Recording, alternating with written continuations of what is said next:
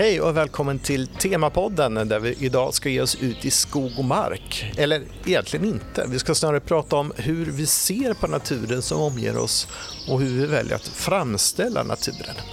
Emily Felton är doktorand på tema miljöförändring och har ägnat flera år att forska om våra svenska nationalparker och hur vi väljer att visa upp dessa. Varmt välkommen till Temapodden Emily. Tack. Du, varför har du valt att forska om hur att vi väljer att skildra våra nationalparker? Men jag har valt att forska om det för att jag tänker att nationalparkerna fångar, eller både fångar och förkroppsligar den huvudfråga som ligger till grund för min forskning. Mm. jag tänker nu här inledningsvis så sa ju du att samtalet skulle handla om hur vi ser på vår natur och hur vi framställer den. Så jag skulle säga att det är liksom kärnan i min avhandling. Och sen så tittar jag på det genom att studera de svenska nationalparkerna mm. och den turism som bedrivs inom dem. Mm. Så man kan helt enkelt säga att jag är intresserad av hur eh, naturen, eller då den icke-mänskliga världen i nationalparkerna konstrueras genom den turism som bedrivs inom dem. Så mm. Det är liksom ganska många steg involverat. Men kärnan är som sagt konstruktionen av naturen. Så vilka värden vi tillskriver den, hur vi ser på den, hur vi porträtterar den, representerar den och så vidare. Men genom en liksom lins där vi mm. tittar mm. på det från ett nationalparks och turismperspektiv. Hur kom du på idén att forska om det här? Mm, alltså det är en idé som har vuxit fram mm. och som är väldigt förankrad i det jag har gjort innan. Jag mm. har en ganska tvärvetenskaplig bakgrund där jag har en turismutbildning, en kandidatutbildning i turism och en master i hållbar utveckling. Och då har jag liksom försökt att hålla kvar vid båda de spåren och försökt tänka, men vad kan jag göra med båda de här ämnena som inte tidigare har gjorts? Mm. Och under min masterutbildning så skrev jag min eh, masteruppsats om hur den svenska naturen görs till en slags eh, turistattraktion genom turistmaterial och då framförallt ja. bilder. Mm. Och sen när jag började min doktorand så tänkte jag så här, ah, vad ska jag göra nu då? Ska jag bygga vidare på det här eller ska jag göra någonting annat? Mm. Ehm, och då så kände jag, men jag vill nog göra någonting som handlar om natur och turism, för det har liksom varit två byggstenar. Mm. Ehm, så då började jag fundera på, okay, men vart skulle jag kunna studera den här frågan? Finns det några institutioner som är väldigt stora som jobbar med turism och naturfrågor? Ja, och då kom jag fram till efter ett tag, ja, men nationalparkerna är ju det perfekta caset för det här.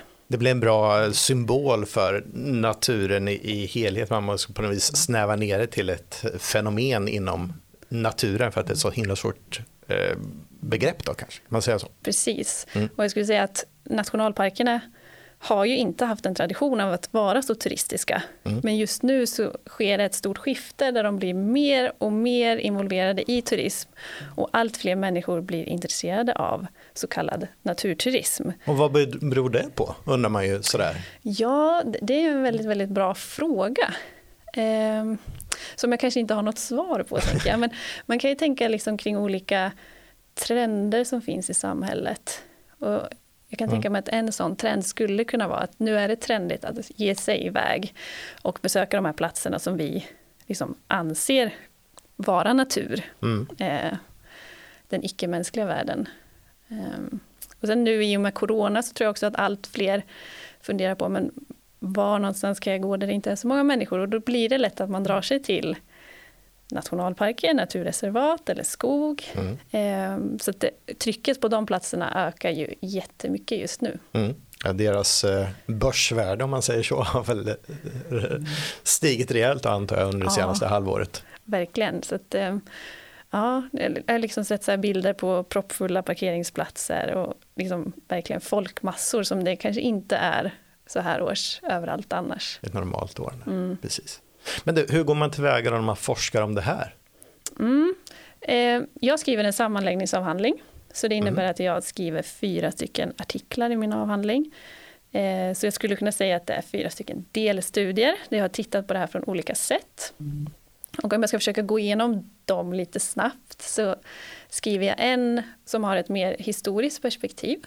Så då tittar jag från slutet av 1880-talet fram tills idag hur mm. den här bilden av naturen och hur relationen mellan nationalpark, natur och turism har framställts. eh, under liksom historiens gång. Och eh, där tittar jag tillsammans med en kollega från Uppsala universitet, dels på Svenska turistföreningens årsböcker. Den första publicerades 1886. Mm.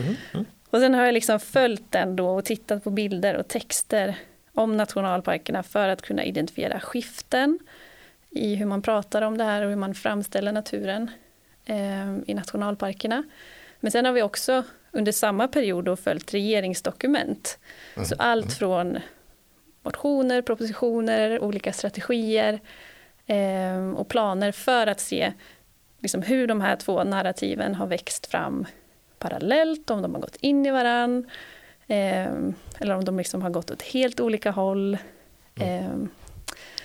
Så den studien fokuserar helt enkelt på att se hur våra föreställningar som finns idag har vuxit fram genom tiden. Eh, och det gör vi då genom att titta bakåt för att försöka förstå vart vi är nu. Mm. Eh, så att vi diagnostiserar nuet genom att titta bakåt. Men säga. du, hur såg man på naturen och naturreservat för eh, nästan 150 år sedan? Ja, alltså de första nationalparkerna kom 1909. Eh, och Sverige var det första landet i Europa som inrättade nationalparker. Mm. Och då fanns det en väldigt stark tanke om att här skulle vi bevara de orörda naturområdena. Vi skulle liksom stänga in dem och hålla människan borta från dem. Mm. Mm. Eh, och det fanns ganska starka influenser från eh, många av de polarforskare som var aktiva under slutet 1800-tal, början 1900-tal.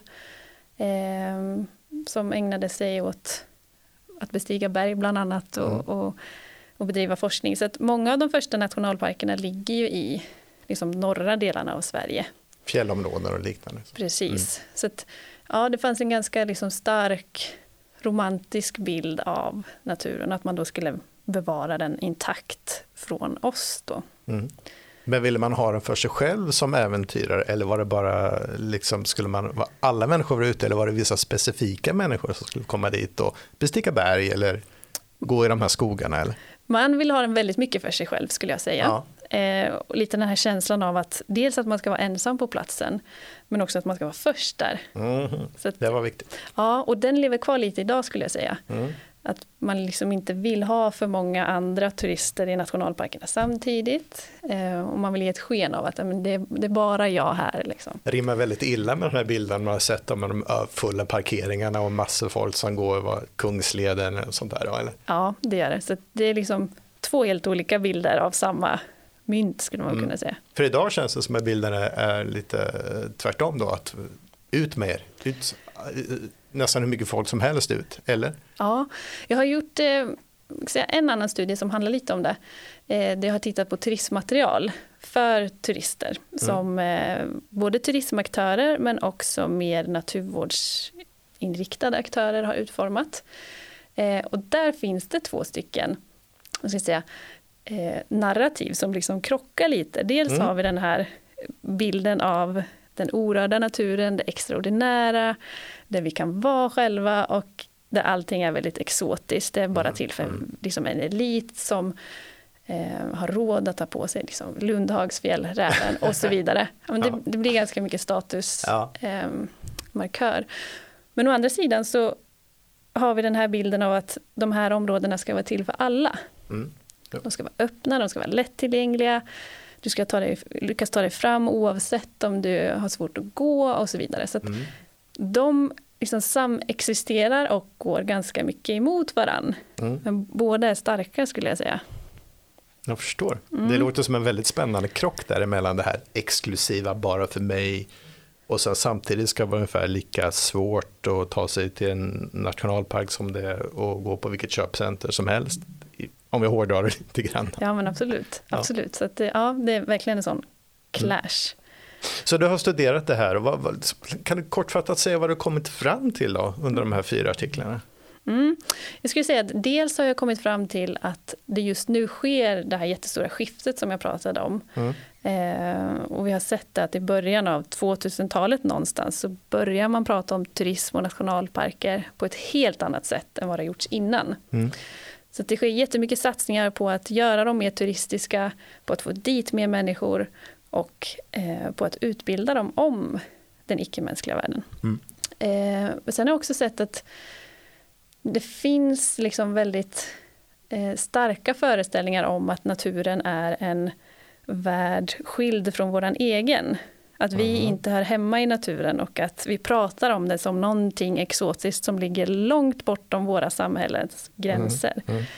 Mm. Eh, vilket såklart skapar klyftor mellan oss och den icke-mänskliga världen men också alla varelser som finns där. Ja. Eh, så det har jag också sett.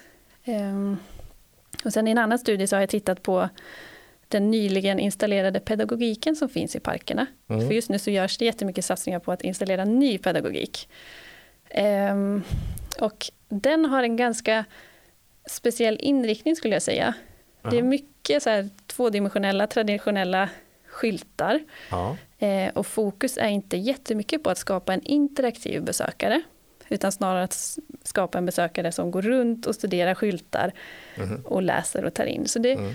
påminner väldigt mycket om det moderna museet som växte fram under sent 1800-tal och som nådde liksom sin topp början 1900-talet. Mm. Eh, så jag argumenterar också för att nationalparkerna just nu eh, möter en slags musealisering där de förvandlas till inte bara nationalparker utan också några slags former av eh, museer.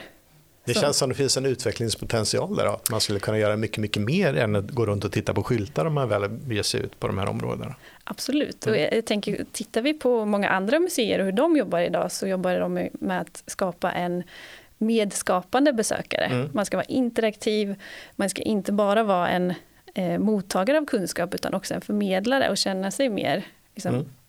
eh, involverad i, i museerna. Så där tänker jag att det skulle man absolut kunna jobba med och försöka få en mer inkluderad eh, besökare. För det tror jag skulle skapa andra eh, liksom vinklar och intressen och ingångar.